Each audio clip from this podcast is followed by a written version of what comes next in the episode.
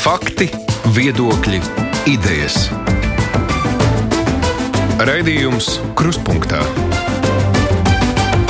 ar izpratni par būtisko. Aizsmeļamies studijā. Mūsu šīs dienas raidījuma galvenā viesiņa kruspunktā ir piedalījusies ne reizi vien, tikai ne šajā amatā. Turklāt, beidzot, mēs tiekamies arī studijā klātienē. Jau nedēļa ekonomikas ministra ir Ilza Indriksona, mums ir iespēja sacīt viņai labdien. Labdien!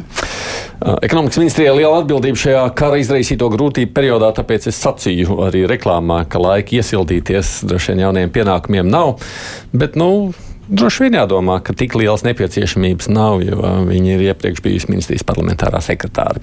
Šī ir amatpersonu stunda, tad žurnālisti un klausītāji uzdod savus jautājumus. Šeit ir arī kolēģi, jeb kolēģi, es drīzāk jāsaka Laura Rozoliņa no portāla TV. Sveicināti! Sveiki! Naika Pelāna no Latvijas raidījuma ziņdienas. Sveika! Sveiki! Nu, klausītāji, kā parasti, vislabāk sūtiet mums rakstiski caur Latvijas raidījuma viens mājaslapu. Nu, es skatīšos, vai man būs iespēja arī kādā brīdī telefonu pacelt. Um, nu, skatīsimies, kā mums iestā mūsu saruna.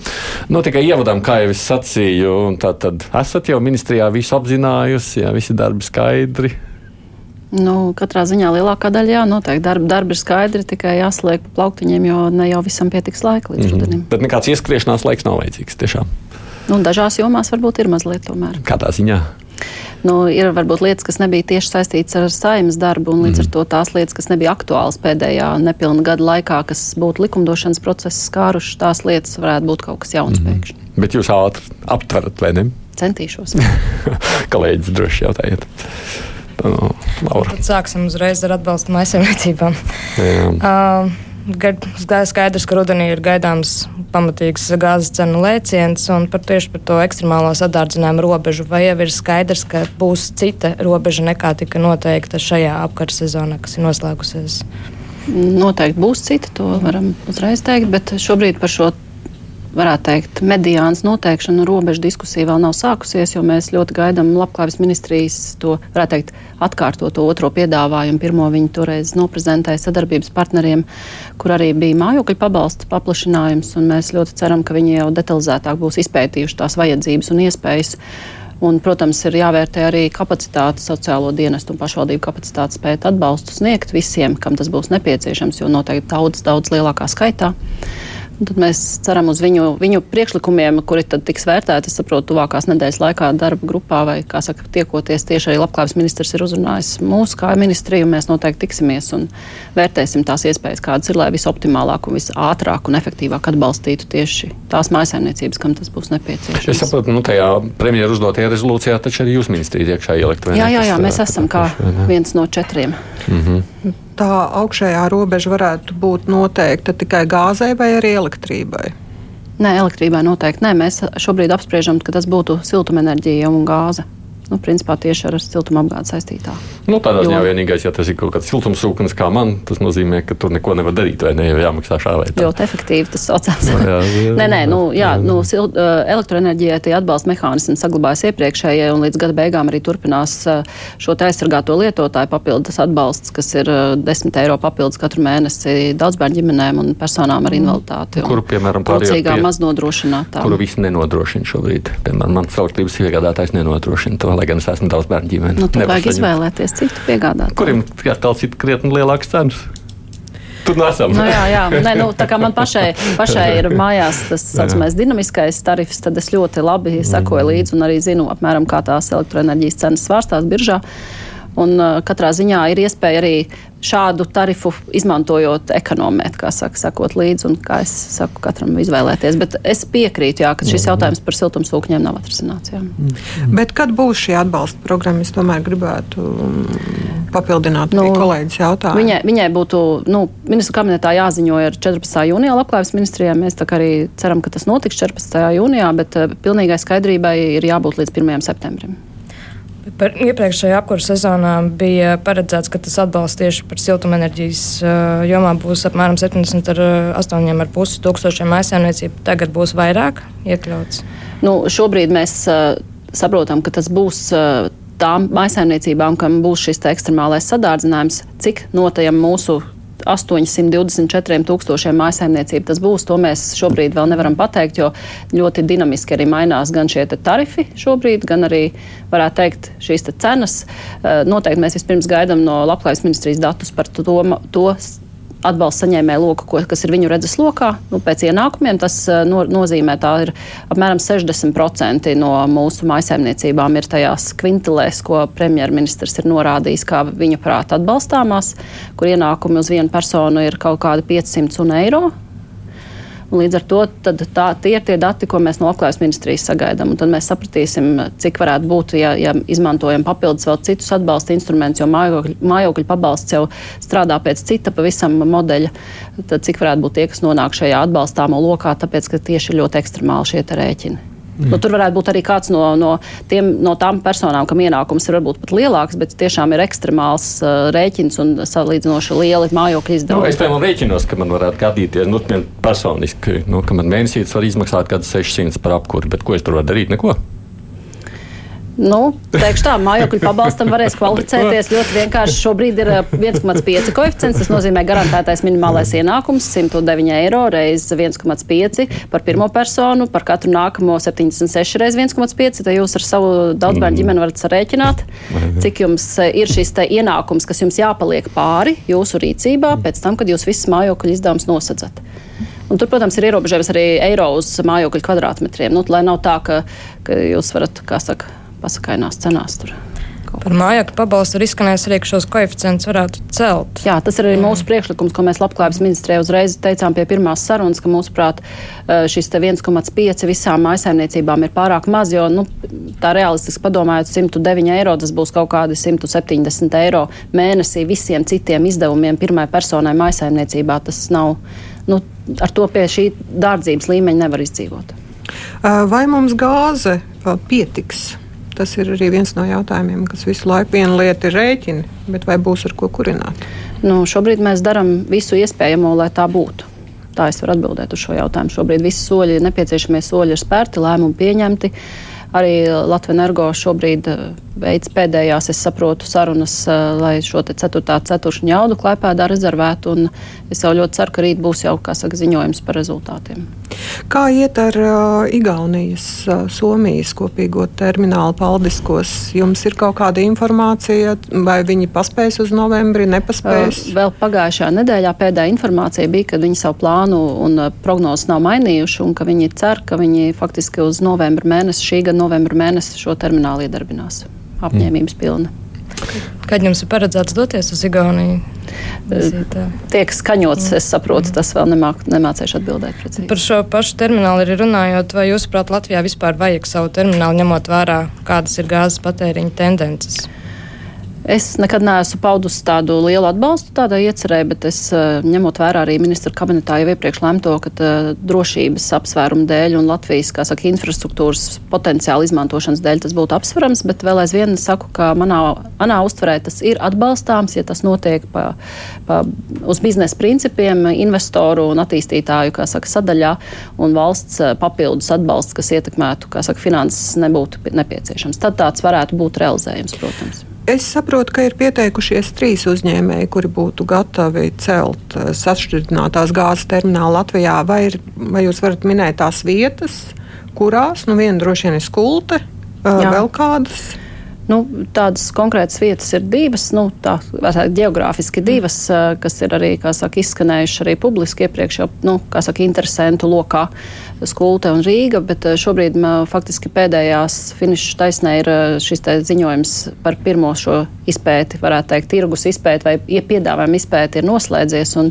Nākamajā otrdienā ceru, ka premjerministrs liks arī darba kārtībā un tiks informēts ministra kabinets par šiem rezultātiem. Vai šie trīs uzņēmēji prasa kaut kādas papildus garantijas arī no valsts? Es nezinu, obligāti, ka valsts iepirks tik un tik daudz gāzes, vai, vai viņi gatavi tiešām tikai uz komerciāliem pamatiem? Nu, tik celt? detalizēti es jums tagad nevarēšu atbildēt, bet ir gan, gan tā es varu teikt. Nu, ir, ir, kas saka, ka noteikti ir vajadzīgs uh, valsts atbalsts, bet tas vēl noteikti ir saruna turpinājums tieši kāds, cik lielā mērā Bet ir, mēs redzam iespēju šobrīd no tiem, kas ir pieteikušies, mēs redzam iespēju, ka ļoti iespējams arī varētu uz komerciāliem darbības pamatiem arī šāds. Šis, man liekas, ir bijis tas vienais strīdīgākajiem jautājumiem par to, ja valsts, ja, ja, ja komerciālais pieprasa sakot, ka noteikti kaut ko vajag garantēt, nu, kaut kādu noteikti ie, iepirkumu minimumu, tad tas ir milzīgs. Jā, risks. jā nu šis ir pirmais kritērijs, kas arī ir informatīvajā ziņojumā jau iepriekš akceptēts, ka pirmais kritērijs ir valsts atbalsta nepieciešamība. Nu, ne, viņa jā. nēsamība ir kā pozitīvs, kā saka, signāls. Šobrīd es redzu, ka varētu būt šāds risinājums. Bet jūs pieļaujat vispār tādu variantu, ka vispār var par to diskutēt, ka kaut kādas garantijas tiek dotas? Nu, ja mans personīgais viedoklis, jā. mans personiskais viedoklis, ka tas nebūtu atbilstoši šī brīža situācijai, pie nosacījuma, protams, ja paldiski terminālā viss izdodas un viņš darbojas, tad uh, uzņemties papildus saistības ilgtermiņā, mm -hmm. īpaši valstī šobrīd uh, divu apsvērumu dēļ nebūtu saprātīgi. Pirmkārt, mēs redzam, cik sarežģīti Eiropā iet ar atteikšanos no Krievijas energoresursiem. Jo, manuprāt, eh, šāds arī termināls labi var ilgtermiņā strādāt un pelnīt un neprasīt nekādas papildus ieguldījumus, nu, garantijas neizmantot. Tad, ja mēs esam kopīgā gāzes tirgu un kopīgi neizmantojam Krievijas gāzi, tad tas ir reāli. Bet līdz, ko, līdz ko mēs dosim garantijas, bet uh, kāda no mūsu saka, tirgu vienotā esošajām valstīm atvērs savas saka, sadarbības iespējas atjaunos ar Krieviju, pieņemsim, tad tas jau uzreiz ieslēgsies valsts garantijās, un tas nebūtu pieņemami. Starp šiem trim uzņēmējiem ir arī kāds no ASV, ko Vitsenberga kungs ir atvedis uz Latviju no investoriem vai nav? Nu, investori tur ir ļoti daudz un dažādi nosaukti. Tur es jums nepateikšu, bet attīstītāji ir, saprotu, tādi, kā saka, zināmi, un, un, un tie nav kaut kas jauns, nav parādījies. Tepat tie, kas piesaka, jo piesaka, nevis investori piesaka jau šie attīstītāji. Mm. Investori tur ļoti daudz ir dažādi. Jā. Par gāzi pagaidām viss. Es Nē. Var... jau kādā brīdī drīkst es papriekš klausītāju jautājums, lai viņi nejūtas vientuļi apdalīti, un pēc tam atkal atgriežamies pie jums. Te vairāk faktiski prasa Ervīns Andra tam līdzīgi sakot tā, ka vai būs atbalsts arī tiem, kas kurina mājokļus ar granulām vai ar malku, jo tur ir tās cenas strauji aug. Mēs esam daudz bērnu ģimeni, mums ir grūti šobrīd samaksāt arī par to. Jā, es varētu visiem šiem cilvēkiem, kam ir paši par sevi rūpējās, tas ir ļoti apsveicami. Un arī es arī mājās, kurien ar malku vēl aizvien. Mm -hmm. un, uh, tur noteikti svarīgi ir visus šos uh, mājokļu izdevumus uzskaitīt un legāli iegādāties. Par malku, jā, jā. jā, protams, mm -hmm. jo tad viņi arī var pretendēt uz to pašu mājokļu pabalstu, ja ir šie izdevumi lielāki nekā, nekā kā saka, iespēja norēķināties. Tā kā noteikti, jā. Bet antraksts šādi. Es, piemēram, esmu vienīgais vecāks diviem bērniem. Mūsu ienākumi pašlaik Covid rezultātā ir ļoti samazinājušies līdz trūcīgo ienākumu līmenim, bet man mājokļa pabalstu un maznodrošināto statusu atsaka, jo man pieder divi īpašumi, kurā, jo pēc kā vienā dzīvo mans tēvs. Bet tad šī ir normāla situācija, sūdzās Andra. Nu, manuprāt, varbūt mājokļu pabalstu saņemšanas nosacījumus vajadzētu arī pārskatīt. Ļoti labi, ka ir šāds jautājums. Tas nozīmē, ka es uh, sarunā ar Labklājības ministriju noteikti šo jautājumu mm. uzdošu. Jo par trūcīgas un maznodrošinātas personas statusu es varu piekrist, ka tur tie nosacījumi būtu jābūt tādi strikti. Kā saka, ja ir īpašums, tad ar viņu var kaut ko iegūt no viņa. Jā, bet mājokļu pabalsts vienkārši tāpēc, ka nu, šoreiz arī tēta īpašums ir nu, uz jā, uz, jā, jā, bet jā. Uh, mājokļu pabalsta vismaz šajā krīzes situācijā varbūt sadārdzinājuma rezultātā vajadzētu vērtēt savādāk šo iespēju saņemt mājokļu mājokļu pabalstu. Tā kā es domāju, tas noteikti labs jautājums. Es noteikti uzdošu labklājības ministrijai. Ok, labi, kolēģi, turpiniet. Par uh, gāzes plūsmu, vai viņa ir atjaunot uz Latviju, vai tur joprojām notiek remonti, jo mēs jau no gāzes atteicāmies tikai no nākamā gada janvāra, es saprotu. Gala lēmums ministru kabinetā ir, uh, varētu teikt, nākamā gada janvārs. Saimā šis uh, likumprojekts nav līdz galam vēl izskatīts. Tāda, varētu teikt, tehniskas gāzes plūsmas iespējams šobrīd notiek. Es jums nevaru pateikt, apgalvot, ka nē, bet zinot, ka Somija vairs nesaņem Krievijas gāzi, Latvijā arī šobrīd nav norēķini iespējami rubļos. Un, mēs nevaram izslēgt iespēju, ka kāds no tirgotājiem atrod citu risinājumu, kā līdzīgi ir atraduši, es saprotu, Eiropā daži uzņēmumi risinājumus, kad viņi maksā eiro un kāds cits kaut ko vēl tur dara viņu vietā. Bet uh, šobrīd tīri tā tehniski, es saprotu, ir tas remonta periods ir nolikts tad, kad viņš ir, bet uh, man nav rīcībā, man nav tāda informācija, vai viņš ir pārbīdīts, vai, vai būs vai nebūs, un tieši kādā periodā. Bet, Tad šobrīd, šobrīd Latvijas gāze, jūs zinat vai nezināt, vai viņi kaut ko pērk no Krievijas vai nepērk? Pēc manā rīcībā esošās informācijas vēl neko nepērk. Nu, tas ir pēdējais, ko es zinu, bet nu, ir atkal pagājušas dažas dienas no tā brīža, kad man kāds teica, ka nepērk. Nu, faktiski bija saruna, ka pēc tā skaidrojuma no Eiropas komisijas, ka vēl aizvien norēķini rubļos nav pieņemami un tas būtu sankciju pārkāpums. Un, ja, ja vienoties var un samaksāt eiro, tad var pirkt, un ja nevar, tad nevar pirkt. Bet mēs nu. redzam, Eiropā ļoti dažāda tā situācija. Šobrīd ir valsts, kuras tāpēc arī zaudē gāzi, un ir valsts, kuras, nu, kā redzams, nu, maksā, acīm redzot, ja piekāpjas šobrīd Krievijas prasībām, tā skaitā gan Itālijā, gan Vācijā, un tādas problēmas viņiem nav. Jā, nu, uzņēmēji mēģina atrast dažādas, droši vien, mm. ļoti radošas risinājumus, lai apietu sankcijas, un, manuprāt, tas nav atbilstoši situācijai. Un tā kā Latvijas vāc tajos Krievijas nu, sarakstos, kuriem viņi slēdz no gāzes, neparādās. Mums à, šķiet, vai tur aiz muguras kaut kas nenotiek, no, ko mēs nezinām. Tā. Nē, es, es ļoti ceru, ka nē. Katrā ziņā mums tādas informācijas nav. Mēs arī vēl ar ārlietu ministriju pārunājot, ir saprasts, ka nu, šis mm -hmm. pēdējais skaidrojums nedod iespējas norēķināties rubļos, un ka ir, varētu teikt, norēķiniem jābūt eiro. Nu, ja ir kāds, kas var kaut kādus burvinoņus izmantot, tad es nevaru, es nevaru pateikt, ka kāds to nedarīs šajā gadījumā. Jā, jā, jā. Aizliegts tas nav. Jautājums, vai to nedara Latvijā kāds? Jā, ne. Tad jūs pieļaujat to, ka arī Latvijas vārds varētu izskanēt eh, no Krievijas tādā ziņā, ka Latvijai tiek atslēgta gāze kaut kādā brīdī. Noteikti, ka jā, ka tas var būt iespējams, jo es domāju, ka liela daļa no valstīm, kas maksāja par gāzi pēcapmaksā, tāpēc šie vārdi izskan arī tā pati Somija, jo tajā brīdī, kad viņiem vēl nāca šī gāze, kad mums vairs nenāca, tāpēc, ka mums viss ir priekšapmaksā, viņiem ir pēcapmaksā. Mm -hmm. Un tad viņi, kad viņi saprata, ka viņi vairs nevar maksāt, un bija maksāšanas datums, viņi nesamaksāja, tad arī publiski tika paziņots, ka viņiem vairs gāzi nedod, bet pirms tam viņiem deva.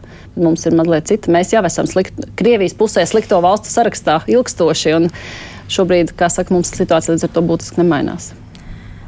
Jā, Laura. Jā, par Latvijas gāzi. Vai jūs esat ar viņiem vispār runājuši, kā viņiem soks ar alternatīvo, alternatīvo piegāžu atrašanu? Jo paši viņi ir izteikušies, ka nerit viss pēc plāna. Nu, manā rīcībā arī ir informācija, ka nav vienkārši kopumā gāzes tirgū nav vienkārši. Es neesmu tikusies, kā saka, lai, lai tā detalizēti to pārunātu. Noteikti, ka mums ir arī šajā nedēļā tas plāns saplānot uz priekšu un noteikti ar lielajiem enerģētikā iesaistītajiem, kā saka, pakalpojumu sniedzējiem un tirgotājiem tikties. Jo, manuprāt, ir vismaz pie galda jāapsēžas un jāpārunā, kā šo situāciju risināt. Šobrīd arī Latvijas energo sadarbībā ar Konexus un augstsprieguma tīkliem vērtē situāciju, pēdējo aktuālāko situāciju, ieskaitot, nu, kā saka, viss, kas notiek, un katru dienu nāk jauna informācija un izmaiņas. Tā kā šie jautājumi visi būs uz galda jāliek. Un par rezervēm vēl jau marta sākumā tika ziņots, ka valdības uzdevumā Latvijas energo ar divus kuģus jau iepirkts un tiek domāts par trešo, vai tas trešais arī ir iegādāts? Nu, šobrīd es varu teikt, ka mēs ļoti ceram, ka rīt būs uh, ziņojums mums uz galda. Process notiek, ik laikam sazinamies, Latvijas energo informē, kā viņiem sokas, neiet vienkārši kā lai saka, nu, Kas ir nevienkārši? Nevienkārši ir tas, ka tās pieteiktās vajadzības bija lielākas klēpēdā nekā ir iespējas, un līdz ar to ir varbūt, nu, varētu teikt, nevis var tā vienā rāvienā hops nopirkt visu, ko tev vajag, bet tev ir jāmeklē, jālīkst, jāvienojas, varētu teikt, ar to, kas varbūt ir nosolījis kā tirgotājs vairāk, bet viņam patiesībā tālāk tā kā tā tas ir jāpārdod, un tad var, kā saka, vienoties un sadalīt to viņa daļu arī dažādos veidos. Es pieņemu, ka viņiem ir pietiekoši profesionāli speciālisti, kas to māk un dara, jo mums arī indikācijas ir no pašvaldībām šobrīd, ka gāzi vienkārši nopirkt šobrīd ir ļoti sarežģīti. Viņas ir pieraduši pirkt tā plānveidā ar fiksētu cenu, ka tev jāpasaka piedāvājums un divas nedēļas jau tā liekas īsts termiņš. Ja? Bet es tā saprotu, ka no saviem ekspertiem šodien pārunājot tieši enerģētikas jomā ministrijā, ka šobrīd mēdz būt eh, cenu piedāvājums uz pāris stundām. Un, ja tu nenopērci, nopērk cits.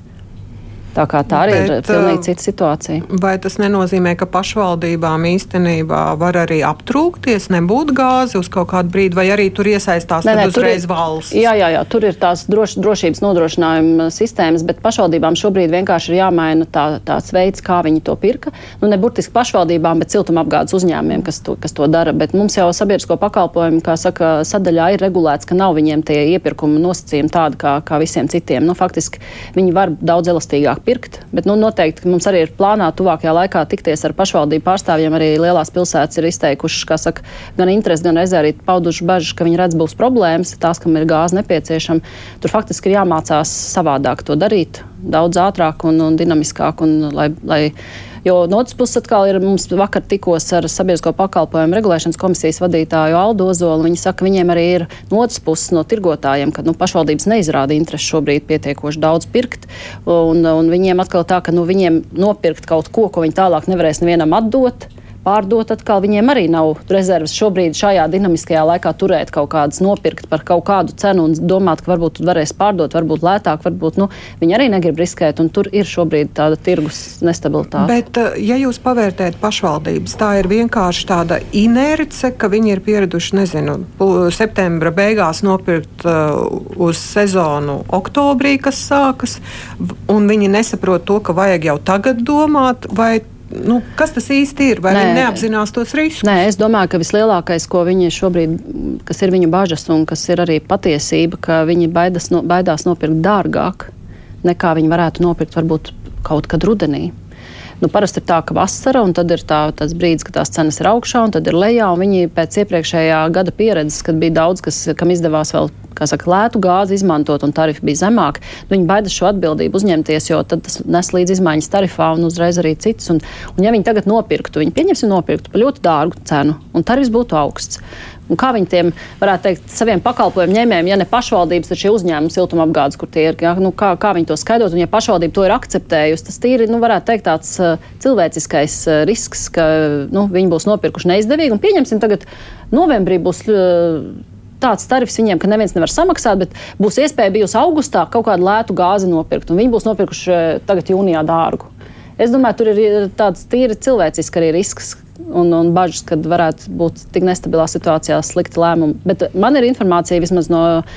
No pašvaldībām, ka viņi saprot šo problēmu un katrs mēģina kaut kā risināt, bet, manuprāt, tur jātiekās un kopīgi ar ekspertiem vislabākais veids jāatrod. Mm proporcionāli, cik daudz pašvaldību šobrīd nogaida labākus laikus? Nu, šo informāciju es lūdzu regulātoram apzināt situāciju, cik ir tie, kas cenšas nopirkt vai nevar nopirkt, un cik ir kāda, kāda kuram ir tie līgumi, jo mēs to nezinām. Mums nav tāda informācija. Tas tur arī saistās ar visādiem, kā saka, ierobežojumiem, ko nedrīkst tā publiski, kā saka, nest.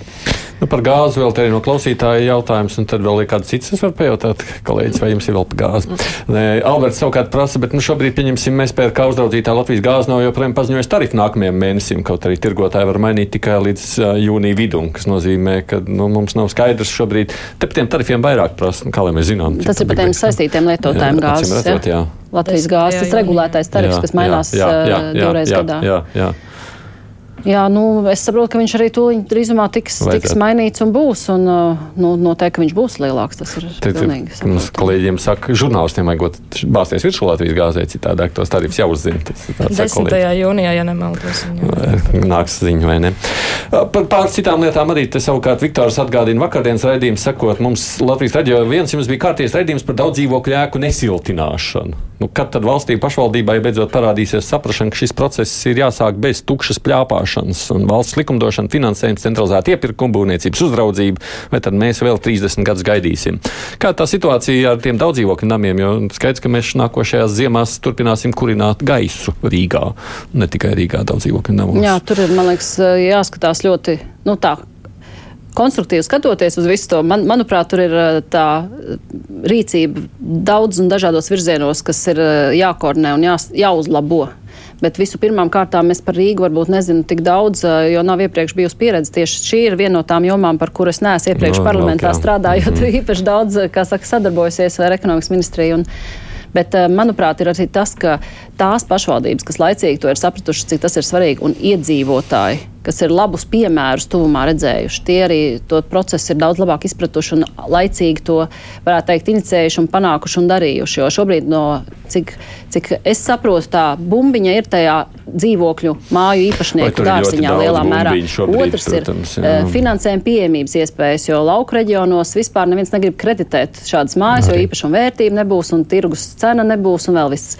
Bet tā pašā laikā Rīgai šī nav problēma, piemēram. Jā, Rīgai ir cita problēma. Rīgā varbūt dzīvokļi ir, nezinu, simtos uh, dzīvokļu vienā mājā un savākt 51% arī ir, saka, izaicinājums. Bet valsts būvniecības kontrolas birojas gan ir veicis uh, labu darbu un ir vienkāršojis šo lēmumu pieņemšanas, varētu teikt, kārtību un veidu un nav vairs gluži ar, ar dokumentiem un, un varētu teikt, uh, rakstisku parakstu viss ir jā, nav jāsavāc un ir, ir kā saka, uzlabojumi veikt arī tīri tajā administratīvajā procesā. Mm. Mēs ziņu dienestā arī pievērsāmies pastiprināti šai problēmas izpētē. Mums bija vesels ierakstu cikls, zaudētais siltums. Un tur izskanēja viena lieta, tas, ka mēs joprojām domājam, ka iedzīvotāji negrib, nesaprot un tā tālāk, un, un tās iestādes tur nevar. Bet tā viena ļoti būtiska problēma ir tiešām pieejamā nauda, un ne tikai no banku puses. Arī savulaik mēs ar kolēģi no Latvijas veidojām ierakstu sēriju par atvesaļošanās fonda līdzekļiem. Tur tieši bija viens no uzstādījumiem no Eiropas komisijas, ka maksimāli ir jādod nauda tieši šo namu siltināšanai. Diemžēl Latvija šim atvēl ļoti, ļoti maz naudas. Rīgā man liekas, divi miljardi ir vajadzīgi, lai nosiltinātu tās mājas, kuras vēl ir jēga siltināt. Pa visu valsti tie ir četri miljardi. Nu, es saprotu, pieejami 200 miljoni bija. Tagad, jā, jā mm -hmm. tagad bija 200 no atvesaļošanās fonda, laikam 300. Nu, tās ir 300 mājas, jā, nedaudz bet tie, vairāk. Bet šobrīd tā, ka tie 200 arī vēl nav apgūti un ar visu būvniecības procesu šobrīd sadārdzinājumu draud apstāties vēl vairāk projekti. Mēs šobrīd esam. Mm, lūguši, un arī es saprotu, Finanšu ministrija ir vērsusies Eiropas komisijā, lai pagarinātu šo programmas īstenošanas termiņu, lai vismaz mēs nezaudētu arī to finansējumu, kas ir bijis, lai varētu pabeigt apgūt to, kas ir saka, neapgūts. Un no atvesļošanās noturības mehānismu arī programma top un tuvākajā laikā viņi būs. Varētu teikt, tā, ja arī būtu piešķirts vairāk finansējumu tajā iepriekšējā periodā, tur bija ar tādiem, nu, varētu teikt, cikliskiem, kā saka, izsludināšanu. Bija tie, tā iniciatīva vairāk vai mazāk, bet uh, nebija tā, ka, ka manuprāt, nu, ja būtu arī vairāk naudas, es neesmu ļoti pārliecināta un cerīga, ka būtu daudz vairāk izdarīts. Es bet nezinu, kāpēc. Bet, bet to, ka tas ir jāizdara, tas arī ir. Visam, no, vislabākā no, enerģija ir tā, ko mēs neiztērējam. Ne? To es apzinos. Bet jā. varbūt tad ir jādomā par tām pātagām. Nu, ja pēc jā, burkāna nenāk, jā, tad varbūt varētu jādomā visiem, kas uh, pātagām. dzīvo efektīvos mājokļos, piemēram, nekustamā īpašuma nodokli uh, atbrīvot. Tāpat kā par elektroauto, piemēram, ir uh, pavisam citi nodokļi nekā par piesārņojošu. Nu, tādu nu, noteikti. Nu, plus, plus vēl te ar katru gadu nesiltinot lēnām, tas nodoklis aug ar katru reizi kaut kādiem procentiem. Tā jau ir pātaga, jā. Nu, es, pātaga, es par burkānu, jūs par nu, pātagu. Nē, nu, te klausītājs tā viens rosina šajā jā, jā, jā, situācijā. Nu, jā, bet no otras puses arī jāņem vērā situācija, kad, eh, nu, tai daudz dzīvokļu mājā tie īpašnieki ir ļoti dažādi, un ja tie, tie 30%, eh, kas grib siltināt, tiks sodīti par to, ka tie 70% ir pateikuši, mums to nevajag. Nu, jūs nemieru būs. Mm. Nu, jebkurā gadījumā tas ir sarežģīts jautājums. Ļoti. Vēl no klausītājiem, Roberts savukārt prasa, kādēļ Kanzas maiznīca tagad maizīt ražo Lietuvā un tad ved uz Latviju. Tas pats ar Alderālu. Kad beidzot Latvijas uzņēmējiem tiks radīta normāla vide, lai nav jābēg uz Lietuvu? À, nu es šajā jautājumā man ir ļoti laba pieredze un atbildi, jo es biju viesos Daugopilī Latvijas maiznieka rūpnīcā, kur nesen bija jauna tostermaiz līnija par 5,5 miljoniem, kā saka, investīciju izveidota un vesela jauna ražošana. Un es tieši arī ar viņiem runājot jautāju, nu, kāpēc jūs te Latvijā ražojat un eksportējat maizi, un kāpēc citi tagad ved tikai iekšā. Viņš teica, nu, tieši tas ir efektivitāte, jaunas tehnoloģijas Eh, robotizācija, izmaksu samazinājums un konkurētspēja. Nu, faktiski arī kvalitāte un sortimenta pilnveidošana. Nu, viņi redz, ka viņi laikam ejot ir ļoti daudz ieguldījuši tajā, lai viņi spētu Latvijā konkurētspējīgi ražot un tirgu paplašināt, nevis aiziet tur kaut kur citur. Faktiski tās rūpnīcas, kas nav attīstījušās, tas bija viņu tāds arī vērtējums, ka tās rūpnīcas jebkurā nozarē, kas neiegulda attīstībā un efektivitātē, tās nespēja vairs konkurēt tirgu, un viņi atrod tur, kur viņiem ir lētāk, vienkāršāk. Un, faktiski mums ir veicies, ka mums ir viens lielais, kas redz ved pat un eksportē maizi, bet te pašā laikā cits uh, uzņēmējs izvērtē un saka, ka viņš ieguldīs vienā rūpnīcā, un tā, diemžēl, nebija piemēram Latvijā, un tā bija Lietuvā, tagad ved maizi. Bet vajadzētu, lai arī pie mums ir lētāk un ērtāk un izdevīgāk. Jā, bet no Latvijas Latvijas maiznieks attīstās, ražo un saka, ka viņi ar visu ir apmierināti un tiek galā. Jūs sakāt, ka viss kārtībā tādā ziņā Latvijā? Nē, konkurētspēja vienmēr ir jāuzlabo. Nē. Tad mēs tādā plašā tēmā. Bet ir labi un ir sliktie piemēri. Nu. Pirmā daļa veltījām par atbalstu pasākumiem maisaimniecībām, bet kā būs ar uzņēmumiem? Uzņēmums sūdzās, ka iepriekšējā periodā viņiem par gāzi nebija nekāda atbalsta, kas būs tālāk. Tiem pašiem maizacepējiem viņiem ļoti liels izmaksas. Jā, ar uzņēmējiem ir ļoti, nu, tā situācija ir tāda divējāda, jo Mums ir vienotais tirgus, mēs visi esam Eiropas tirgū, mēs varētu teikt, konkurējam savā starpā uz vienādiem nosacījumiem, bet tā pašā laikā arī Eiropas komisija jau pašam, varētu teikt, karam sākoties arī arī bija vērtējusi un apliecināja, ka tieši tās valstis, kas ir tiešā robežā ar Krieviju, cietīs vairāk. Nu, šobrīd man pēdējā nedēļā, kopš es esmu ministrs samatā, nav, nav pieejama informācija, kāds būtu vērtējums šobrīd, tieši cik mūsu vai, vai mūsu ražotājs ietekmē vairāk vai mazāk kā citur Eiropā. Šie gan, gan sankciju pasākumi, gan arī karš un piegājuši ķē, ķēžu pārāvumi, bet katrā ziņā eh, uzņēmēju sadaļā viņiem tiekoties, mēs saprotam, ka energoresursu cenu kāpums ir ļoti, ļoti būtisks, bet viņi, protams, visus šos izmaksas posteņus cenšas uh, ielikt beigās cenā un tas beigās nonāk tā vai tā atbalsta instrumentos katram konkrētam jau cilvēkam, maisaimniecībai. Jo, nu, iejaukties biznesa principos, jo mēs neredzam, ja tas būtu īstermiņa, tā kā bija cerība iepriekšējā energoresursu cenu kāpuma krīze, kas bija iepriekšējā gada rudenī, ka tas ir īstermiņa risinājums, tad ir ļoti nu, svarīgi pabalstīt, lai pārvarētu krīzi, bet šobrīd ir jābalsta visi atbalsti, jāvirza, lai viņi Eh, pārorientētu savu ražošanu, savu saka, tehnoloģijas un iespējas. Un faktiski, jo nav, nav sagaidāms, ka ļoti strauji cenas kritums būs. Tā līdz ar to mēs nevaram dotēt viņus ilgtermiņā kaut kā. Bet šobrīd nenotiek pārorientēšana, bet liela daļa uzņēmumu tieši sašaurina ražošanu un sortimentus.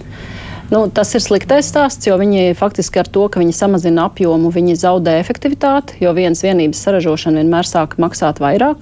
Tas nav labs risinājums, es piekrītu. Viņi varbūt īstermiņā, lai, lai saprastu, kā tālāk attīstīties un ko darīt, to var darīt.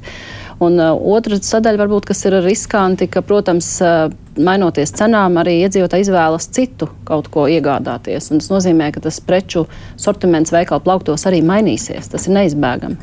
Un biznesā līdz ar to arī ražotājiem nāksies pielāgoties un ražot kaut ko citu. Diemžēl varbūt nevienmēr vērtīgāku, bet pieejamāku.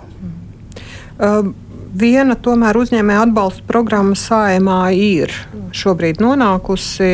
Pēc saimas viņi ies uz Eiropas komisiju uz apstiprināšanu par 95 miljoniem tiem uzņēmējiem, kas ir tieši cietuši no kara darbības Ukrainā. Uh, nav pa vēlu. Ekonomikas ministrijā attapusies, ka kaut kas tāds ir jātaisa. Karš jau mums sākās februāra beigās. Jā, es jums varu teikt, ka šī programma, šīs programmas uh, virzība Uh, un uh, saskaņošana starp uh, ministrijām un sadarbības partneriem virzās jau no aprīļa. Faktiski, Kāpēc tik lēni? faktiski es jums varu piekrist, ka ir par lēnu. Bet šobrīd tas bija tajā brīdī, kad mēs sapratām, ka Altum, mūsu finanšu institūcija Altum ir pat finansējums, kas ir pieejams, kas bija Covid atbalstam, un viņu var pārorientēt uz kara ietekmēto uzņēmēju atbalstu, ka tas ir izmantojams.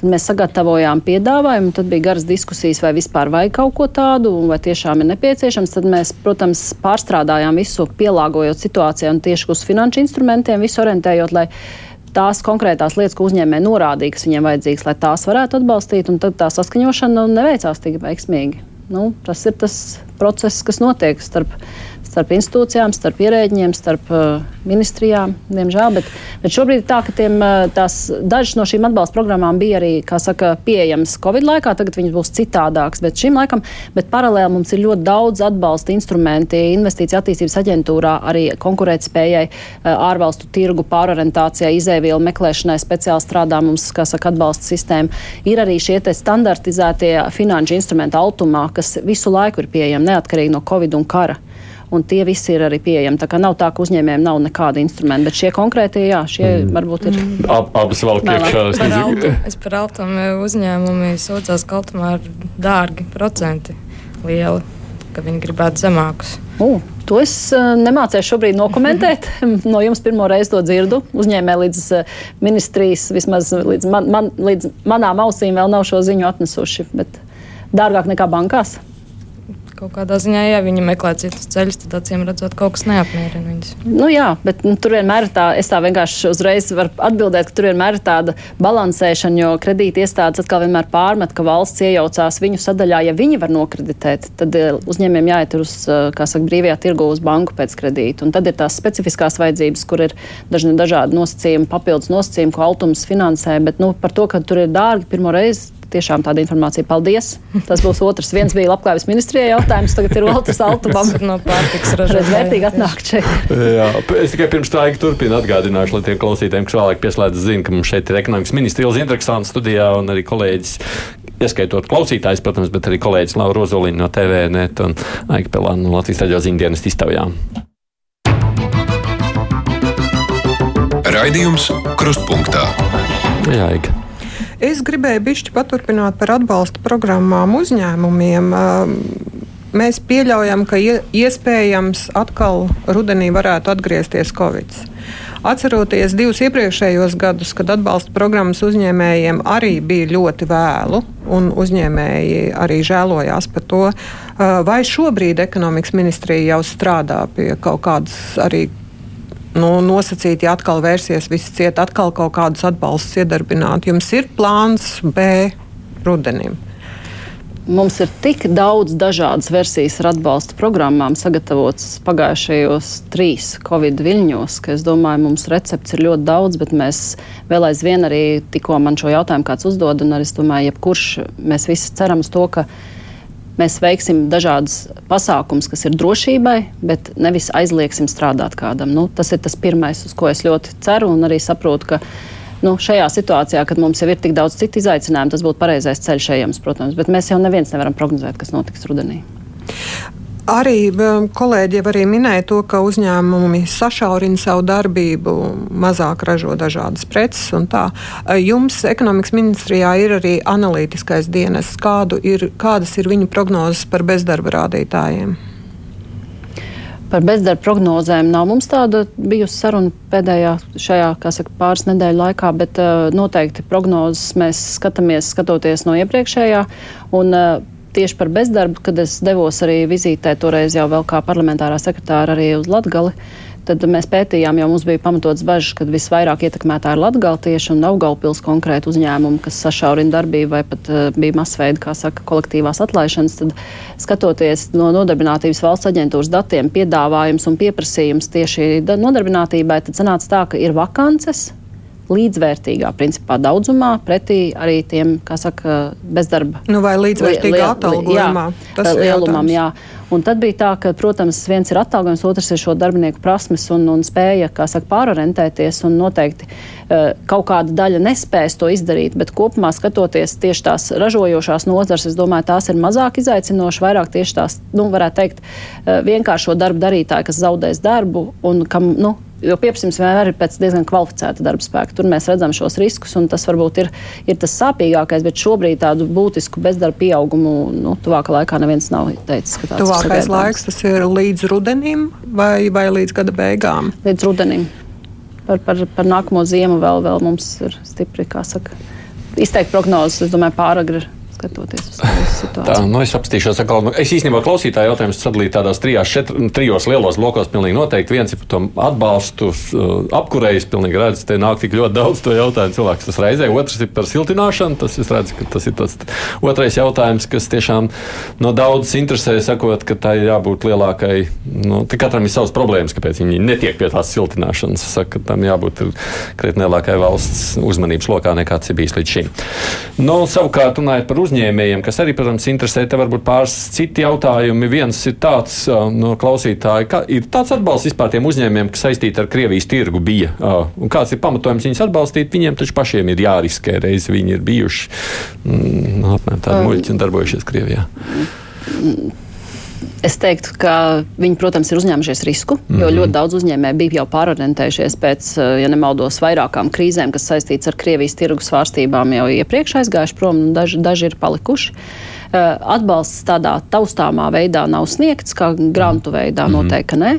Ir vairāk ir sadarbības informācijas atbalsts, atbalsts konkurētspējas programmā, kur nav ierobežots, vai tev ir bijuši tādi vai tādi sadarbības partneri iepriekš, bet tu vari iegūt līdzfinansējumu konkrētu jaunu tirgu meklējumiem, eh, kā saka, līgumu slēgšanai arī un piegādes jaunu meklēšanai caur Latvijas investīciju attīstības aģentūru. Tur ir viņiem savi kriteriji, kā viņi vērtē šo atbalstu piešķiršanu, bet tur palielinājām gan intensitāti, gan apjomu.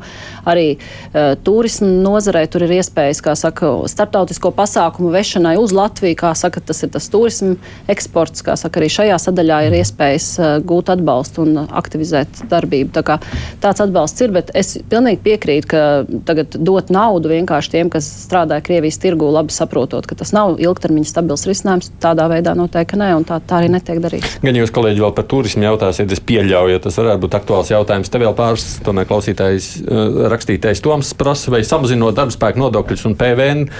Uh, uz, P, uz PVN rēķina valdība tāpat nepiepildīt budžetu, vairāk pirkt, vairāk naudas. Nu, tas jautājums mūžīgi par nodokļu politiku. Es nezinu, cik daudz tur ekonomikas ministrija no, no, šobrīd jā, iesaistīta. Katrā ziņā ir šobrīd plānos ir finanšu ministrijai, viņi arī ir uzrunājuši, un mēs tiksimies. Un, un šī nodokļu politika tiks vērtēta un apspriesta, un skatīsimies, kas notiek. Tiekoties ar uzņēmēju organizācijām, viņi ir pauduši, ka viņiem vissvarīgākie ir darbspēka nodokļi. Mm -hmm. Jo pienotās vērtības nodoklis vismaz eksportējušiem uzņēmumiem nav svarīgs. Viņi saka, ka darbspēka nodokļi ir tie, kas ir visbūtiskākie, kuru, kuru saka, ietekmi būtu jāvērtē un iespējas jāizvērtē. Kaut kādā mērā viņas atkal samazināt. Nu, par automu runājot, Arts Libers raksta šādi. Automa pamatlikuma aizdevumam juridiskai personai ir no 15 līdz 18% gadā. Var vienoties, samazinot likmi, iesaistoties de minimumu programmā uz 7%, kā to varēja Covid-19 programmas ietvaros atbalstā, bet Komercbankas gada procentu likme ir 2,5 līdz 5%. 5%. Tad nu, ir atšķirība.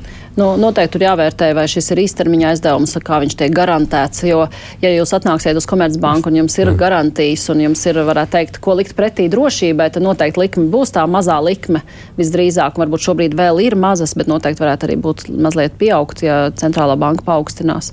Bet, Altums eh, ļoti bieži finansē dažādus daudz riskantākus un tikai uz biznesa plāniem balstītus pasākumus. Eh, līdz ar to tur arī tās riska likmes varētu būt lielākas, bet tieši vēlreiz teikšu, es noteikti šo te izpētīšu Jā. dziļāk. Labi, okay.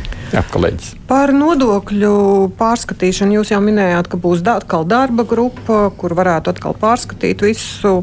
Nu, kad tā darba grupa tad varētu būt un varētu beigt strādāt? Jā, tā nav darba grupa, ja nemaldos. Es vienkārši neizlasīju ziņu, man mutiski teica, ka ir ienācis saka, uzaicinājums uz uh, tā, tāds formāts tā kā trīspusējās sadarbības uh, padomas apakš, apakš komisija vai apakš nozara. kārtējā nodokļu reforma? Nē, nē, nē, nē, tā ir saruna. Tur principā iesaistās visas puses. Tur ir uzņēmēji, arotbiedrības, nu, uzņēmēju organizācijas, darba devēja konfederācija, arotbiedrības un uh, valsts no savas puses. Un, uh, varētu teikt, vērtē iespējas, kā varētu uzlabot uh, konkurētspēju un, principā, uzņēmējdarbības vidas apstākļus. Ko jūs uh, pati domājat par PVN samazināšanu? Atsevišķiem pārtiks produktiem, tā pašā laikā arī akcijas nodokli degvielai, piemēram, Vācija, man tā liekas, ir samazinājusi. Jā, jā, jā, par, par akcijas nodokli mēs šo, varētu teikt, šo rosinājām tieši līdzīgā veidā samazināt līdz minimālajai nu, likmei, kas Eiropas Savienībā pieļaujamā jau labu laiciņu atpakaļ, kad sāka strādāt enerģētiskās drošības darba grupa. Diemžēl vairums no sadarbības partneriem teica, ka tas nav pareizais veids, kad ir jā, jāatbeido mērķēti atbalsti un ka vispār vispārēji akcijas nodokļu likuma samazināšana nav īstais brīdis un laiks, jo mums budžeta ieņēmumi ir svarīgi arī, kas jāvelta drošībai un papildus finansējums drošībai, un tā ir prioritāte. Un tajā brīdī tika tāds lēmums pieņemts. Nu, mums šī drošības darba grupa šobrīd nav sanākusi, bet nākamnedēļ droši vien atkal tiksies. Es pieņemu, ka atkal šis, varētu teikt, tiks, tiks apspriests faktiski pieredzes no kaimiņu valstīm. Mēs arī lūdzām sagatavot informāciju, kā tad citās valstīs šobrīd varbūt bez Vācijas vēl kāda kaut ko dara un kā tas izskatās kopē. Un noteikti jālūdz ir finanšu ministrijai, ko arī noteikti, ja, ja paspēs šodien, ja nē, tad rīt iespējams aicināšu, lai iedod datus par to, kā mums pildās tieši tie konkrētie, nu, ja pa iedzīvotāju ienākumu nodokļu ka mēs zinām labu ziņu, ka ir 12% virs, virs plāna, tad eh, kā pildās akcijas, jo reizēm mums pašiem šķiet, ka viņi ļoti pildās, bet mums ir arī samazinājies degvielas, kā piemēram degvielas patēriņš. Nu, tādā ziņā atkal. Bet viedoklis par PVN samazināšanu pārtiks produktiem? Nu, kā vienkārši atbalsts instruments iedzīvotājiem noteikti, viņš nav pilnvērtīgs, viņš ir vispārējs un ļoti daudz, daudz samazinās, saka, ienākumus, bet, ja budžets ir plānots ņemot vērā tās cenas, kādas bija toreiz un šobrīd ir jau citas cenas, tad es pieņemu, ka arī noteikti būtu jāapskatās, kādi ir ieņēmumi tajā sadaļā un kādi, kādi ir riski negūt plānotos ieņēmumus, ja mēs tādu atbalstu īstermiņā. Es jau esmu vairākas reizes publicējusi, ka īstermiņā kā atbalsta instrumentu es noteikti viņu varētu vērtēt un noteikti arī varētu atbalstīt, ņemot vērā, ka mums ir kaimiņos arī daudz citas valsts, kur tieši pārtikai un tām pirmajām, kā saka, svarīgākajām precēm ir zemāks pievienotās vērtības nodoklis. Cik ilgs būtu šis īstermiņš? Nu, manā uztverē tas varētu saistīties ar tādu pašu termiņu kā visi atbalsti. Tas nozīmē kaut kāds pusgads, gads. Nu, tādā ziņā, nu, PVN nevar pusgadā, nu, tas noteikti ir kaut kāds gads, gada griezumā. Bet uh, es nelieku liels cerības, ka kaut kas tāds varētu notikt, uh, zinot to, kā mēs plānojam visus pasākumus un ja izdosies atrast labu mērķētu atbalsta mehānismu, tad noteikti neviens nebūs gatavs. Jā, jo šis ir tas pamat jautājums. Man liekas, tā, ka premjeras, premjeras bija pagājušajā studijā. Viņš teica, nu, ka nu, tiem koalīcijas partneriem ir mūžīgais strīds par to, vajag mm -hmm. vispārējo vai vajag tomēr mērķiecīgi tieši uz tiem, kas ir, nu, kur ir nonākuši lielākās finansiālās grūtībās. Jūs atbalstāt premjeru ideju? Jā, jā idejas, kas, prot, protams, atbalstu. Par pievienotās vērtības nodokli es uzskatu, ka viņš ir ļoti labs instruments, lai kādu nozari konkrētu atbalstītu vai vienkārši nodrošinātu viņas pastāvēt tās pastāvēšanu. Jo tas bija piemēram ar grāmatām un, un žurnāliem un laikrakstiem, vairāk gadu garumā mēs mēģinājām pārliecināt sadarbības partnerus, ka ļoti svarīgi tieši, nu, saka, lai nepazustu Latvijā izdevniecība kā tāda un grāmatas kā tādas, ka tur tas pievienotās vērtības nodoklis, nodoklis ir izšķirošs. Nevis tāpēc, lai būtu lētākas grāmatas, bet lai viņas vispār būtu. Un tad man jāsaka paldies arī Latvijas bankas ekspertiem, kas toreiz piekrita mums un teica, jā, ka šai nozarei šis ir pareizais veids un pievienotā vērtība jāsamazina nodoklis. Bet tas ir tāds konkrēts gadījums. Es par savukārt gribu reiz mēs par Krieviju vienkārši runājam. Viens klausītājs prasa Logino kungs, bet kā ir tiem uzņēmējiem, kas strādājuši ar Baltkrieviju? Jo savukārt, nu, tur jau tas risks netika tik ļoti vērtēts, kā skatoties uz Krievijas virzienā. Tieši par atbalstu runājot. Atbalstu, runājot nu, atbalstā mēs nešķirojam, vai tur ir Krievijas, Baltkrievijas, principā tur ir kara ietekme. Ja mm -hmm. uzņēmējs atnāk un viņš saka, ka viņam ir kara ietekme, jo kara ietekme ir arī sankcijas, kara ietekme ir piegāžu ķēžu pārāvumi, kas varbūt viņš nav strādājis ar Krieviju, bet kara ietekmē viņam, piemēram, metāls vairs nenāk no tās austrumu puses, kas varbūt pat nenāca no Krievijas. Varbūt viņš nāca no kādas citas valsts, bet vienkārši piegāžu ķēdes ir pār, pārtrūkušas. Es izmantošu iespēju, ka jūs varat kaut ko tomēr pats pajautāt. Man tā turisma joma tomēr tādā ziņā interesē. Nu, mēs redzam, tur jau lielā mērā tā tomēr arī dzīvoja uz, uz Krievijas turismu, o, jeb turistiem Latvijā. Tas bija nu, pietiekoši liels tā plūsma. Tā pašreizējā situācija, tā perspektīva, un kā jūs redzat, kas notiek ar, nu, ar šo nozaru šobrīd, notiks tālākajās? Nu, nozara tieši tāpat kā daudz uzņēmēju šobrīd pārorientējās un plāno pasākums un uh, skatās uz citu pusi, uz citiem tirgiem. Daļa no viesnīcām vienkārši varētu nezinu, pārt par kaut ko citu. Nē, Nu, es par nozari, nevis par konkrētām jā, viesnīcām. Jā, nu, nē, nu, kas, man, kas ir man, iekšā pieņemts? Jā, jā, jā, jo, nu, ir, jā, jo šobrīd ir svarīgi sadarboties un rast risinājums, kā šo turistu, kas ir pavisam ar citām prasībām un ar citiem uzstādījumiem, jo tas tomēr ir cita veida turists, kas brauc no, no Eiropas, jā. jā, nekā no Krievijas. Līdz ar to viņiem arī ir jāmaina viss tā pieeja un šie kompleksie piedāvājumu jāspēj sniegt. Tā kā es domāju, tur vislielākais mums arī top, mm -hmm. tas gan nav īstermiņa pasākums, tas tā ir tāda, varētu teikt, ilgtermiņa programma, klāsteru programma turismu nozarei, lai iemācītu viņus labāk sadarboties gan tematiskajos klāsteros, kas būtu tāpat tas pats veselības turisms vai korporatīvais vai, nu, varētu teikt, tāds uh, nozaru variantā, gan arī teritoriāli. Jo arī -hmm. Reģionos uh, mazie turismu pakalpojumu sniedzēji ļoti dzīvo katrs par sevi, tomēr un tādus komplektus un kompleksus piedāvājumus neizstrādā. Tā, ka, man liekas, tā ir tāda iespēja, kas arī tajā pašā dabas turismā ļoti, ļoti varētu attīstīties un palīdzēt uh, reģionos arī ienākt papildus gan turistiem, gan līdz ar to arī aktivitātei un finansējumam. Okay. Labi, kolēģis. Man pat Daugavpils lokomotīvu rūpnīcu remontu. Viņiem pat no Ukrainas bija atbalsta vēstule, ka viņi tāpēc ciešo zaudējumus. Ekonomikas ministrija ļoti rezervēti izskat, nu, pret, attiecas pret šo uzņēmumu. Kur problēma? Nu, Es varbūt tik detalizēti nezinu šo situāciju. Nav bijis iespēja iepazīties to, ka viņi ir cietuši tāpēc, ka Ukrainas puse nav par kaut kādiem darbiem spējusi norēķināties. Es pat nezinu īsti, vai tie darbi ir vai nav līdz galam veikti, nu šie pasūtījumi. Un, manuprāt, svarīgi būtu nodrošināt šīs rūpnīcas, varētu teikt, nepazaudēšanu pilnā apmērā, lai viņi spētu iesaistīties tajā, ko arī Ukrainas puse esot norādījusi, kad atjaunot to viņu saka, tehnisko nodrošinājumu, tad, kad karš beigsies, un arī, saka, atbalstīt ar tīri faktiski ar pa, pasūtījumu izpildēm. Tas būtu ļoti svarīgi. Bet, eh, manuprāt, diez vai būtu pareizi valstī tagad vienkārši finansēt un dotēt rūpnīcu un uh, dīkstāvis darbiniekiem, kuri tajā laikā var iet un darīt kaut ko citu. Bet viņi jau neprasa dotācijas vai subsīdijas. Viņi prasa vienkārši pieeja tiem pašiem automašīnu līdzekļiem. Jā, viņi var automā kvalificēties. Viņi, viņi var kvalificēties, ja viņi sakārtot savu, varētu teikt, iekšējo uzņēmumā pārvaldības un uh, nosacījumu kritēriju izpildi, kas ir automa sadaļā, no, kur viņi vērtē. Īpašnieku? Nu, Droši vien, ja autors viņiem atsaka, tad kāda iemesla dēļ viņi atsaka, jo automam šie kriteriji pret visiem ir vienādi, gan pret citiem uzņēmumiem, Tur gan pret lieta, šo. ka mēs runājam ar viņiem un, un īsti nav skaidra tā valsts pozīcija, kāpēc tad viņiem atsaka. Ja tur ir problēmas ar īpašniekiem, vai, vai īpašnieki kaut kādā veidā ir saistīti nezinu, ar, ar tām pašām sankcijām, nu, tad, tad varbūt ir jēga to arī sabiedrībai atklāti pateikt. Nu, tad iespējams, varbūt autors nav pietiekoši viņiem pašiem pateicis skaidri, kādas kritērijas viņi neiztur šī atbalsta, atbalsta nu, finanšu instrumenta saņemšanai. Tad uh, varbūt tas arī ir jautājums, kas viņiem ir jāskaidro. Nu, diezin vai tagad publiskajā telpā būtu kādam jāizķidā kāda konkrēta uzņēmuma kaut kādas, kā saka, nezinu, vadības vai īpašnieku struktūras un kaut kādi nosacījumi. Es arī ne, nebūšu tā, kas apgalvos, jo es neesmu ne dokumentus redzējis, ne pieteikums, ne automāteikuma vēstules.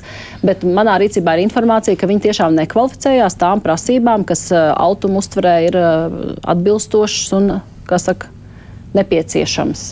Ja, tur tas interesantais tās, ka Igaunijas.